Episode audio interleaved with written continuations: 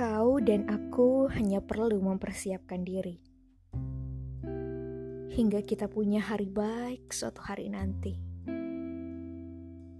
Kita perlu melawan perasaan buruk dalam diri. Perasaan yang hanya membuat kita saling jauh. Perasaan yang menciptakan saling tuduh. Siapa yang tidak cinta di antara kita? Padahal semua itu hanyalah efek dari rasa curiga. Jangan memikirkan hal yang tidak ada. Kau hanya perlu meyakini, jika memang kita disuratkan di jalan ini, maka tak ada satupun yang perlu kita risaukan. Jika memang bukan dikehendaki yang maha tinggi, kita akan belajar lagi untuk saling mengikhlaskan. Fokuslah pada hal-hal baik dalam hari-harimu.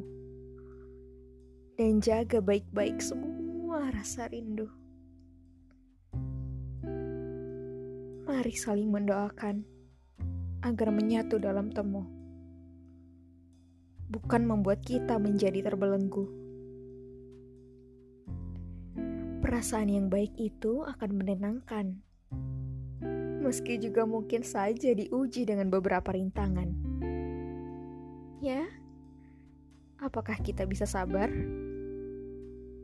Atau malah memilih berpisah sebelum sempat satu ikrar?